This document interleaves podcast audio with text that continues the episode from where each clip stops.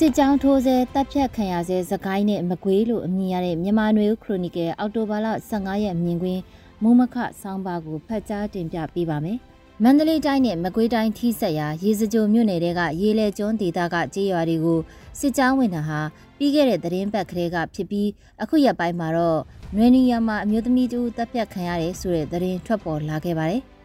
အင်အား300လောက်ရှိတဲ့စစ်ကောင်စီတပ်စစ်ကြောင်းတွေ အဆိုပါရေလဲကျွန်းဒေသကိုအောက်တိုဘာလ12ရက်နေ့လောက်ထဲကဝင်ရောက်နေတာဖြစ်ပြီးကြေးရွာကဒေသခံတွေထွက်ပြေးတိမ်းရှောင်နေကြရတာဖြစ်ပြီးတော့အခုတပ်ဖြတ်ခံရတဲ့အသက်50ရွယ်အမျိုးသမီးက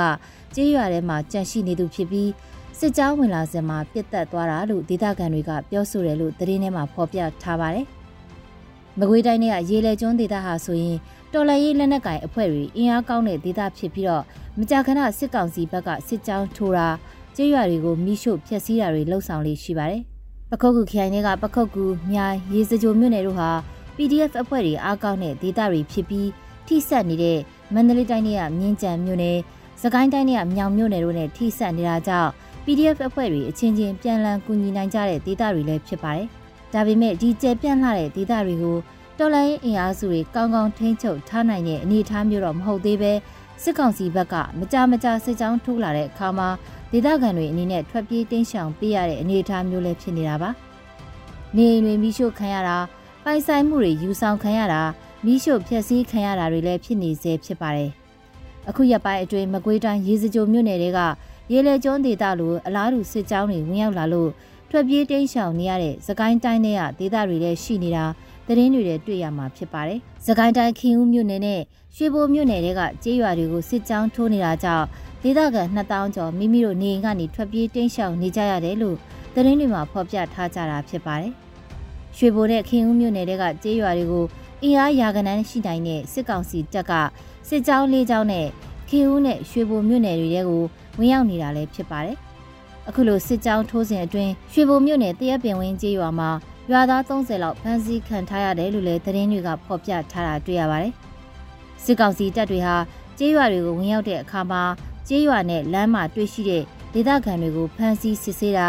ညှဉ်းပန်းနှိပ်စက်တာနဲ့ PDF လို့မတင်ကားတဲ့အမျိုးသားတွေဆိုရင်တန်တရားနဲ့တင်တပ်ဖြတ်တာတွေလှုပ်ဆောင်လေးရှိသလိုနေအိမ်တွေကရိတ်ခါတွေကိုဖျက်ဆီးတာတမိုးရှိတဲ့ပစ္စည်းတွေယူဆောင်သွားတာတွေလုပ်လေးရှိပါတယ်။ ဒီလိုဖမ်းဆီးနှိပ်စက်တပ်ဖြတ်ခံရမယ့်အခြေအနေမကြုံတွေ့ရအောင်စစ်ကြောင်းဝင်ပြီဆိုတာနဲ့နေအိမ်တွေပိုင်ဆိုင်မှုတွေကိုထားခဲ့ပြီးအသက်အန္တရာယ်နှိပ်စက်ညှဉ်းပန်းခံရမယ့်အနေကလွတ်မြောက်အောင်ထွက်ပြေးကြရတာဖြစ်ပါတယ်။ဒါပေမဲ့လည်းဒေသခံတွေထဲမှာအချို့သောသူတွေအနေနဲ့ခက်ခဲစွာရှာဖွေတိဆောက်ထားရတဲ့နေအိမ်ပိုင်ဆိုင်မှုပစ္စည်းတွေအပေါ်မှာတန်ရောစင်မပြတ်နိုင်ခြင်းကြောင့်ချက်ချင်းထွက်ပြေးတိမ်းရှောင်ခြင်းမပြုဘဲနေရခဲ့ကြရကဖန်စီခံရတပ်ပြက်ခံရတဲ့ဖြစ်ရမျိုးတွေအချို့သောအခြေအနေမှာ ကျမ်းမာရေးနဲ့အသက်အရွယ်ကြောင့်မိမိတို့နေအိမ်ကမခွာနိုင်တော့ပဲအသက်ခံရရင်လည်းခံရပါစေဆိုတဲ့စိတ်တုံးတုံးချပြီးနေအိမ်တွေမှာခြံနေခဲ့တဲ့သူတွေလည်းရှိနေတာသတင်းတွေလည်းဖတ်ရှုရလေးရှိပါတယ်စစ်ကောင်စီအနေနဲ့တစ်ဖက်မှာငင်းငယ်ရေးဆွေးနွေးဖို့ကြိုးပမ်းနေတာမျိုးတနိုင်ငံလုံးပြစ်ခတ်တိုက်ခိုက်မှုရစဲရေးသဘောတူစာချုပ် NCA လက်မှတ်ထိုးတဲ့ရှစ်နှစ်ပြည့်အထိမ်းအမှတ်အခမ်းအနားကိုနေပြည်တော်မှာကျင်းပနေချိန်မှာပဲ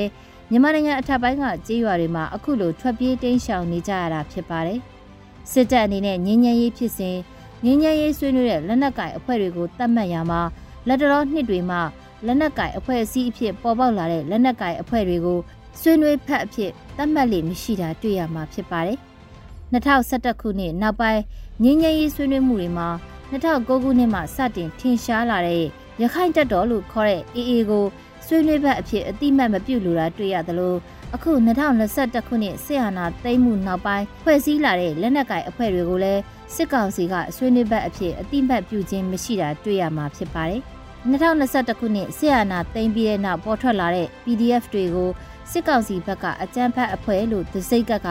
ဆွေးနွေးဘက်အဖြစ်သတ်မှတ်ခြင်းမရှိတာကိုလည်းတွေ့ရမှာဖြစ်ပါတယ်။ဒါကိုကြည့်ရင်စစ်ကောင်စီက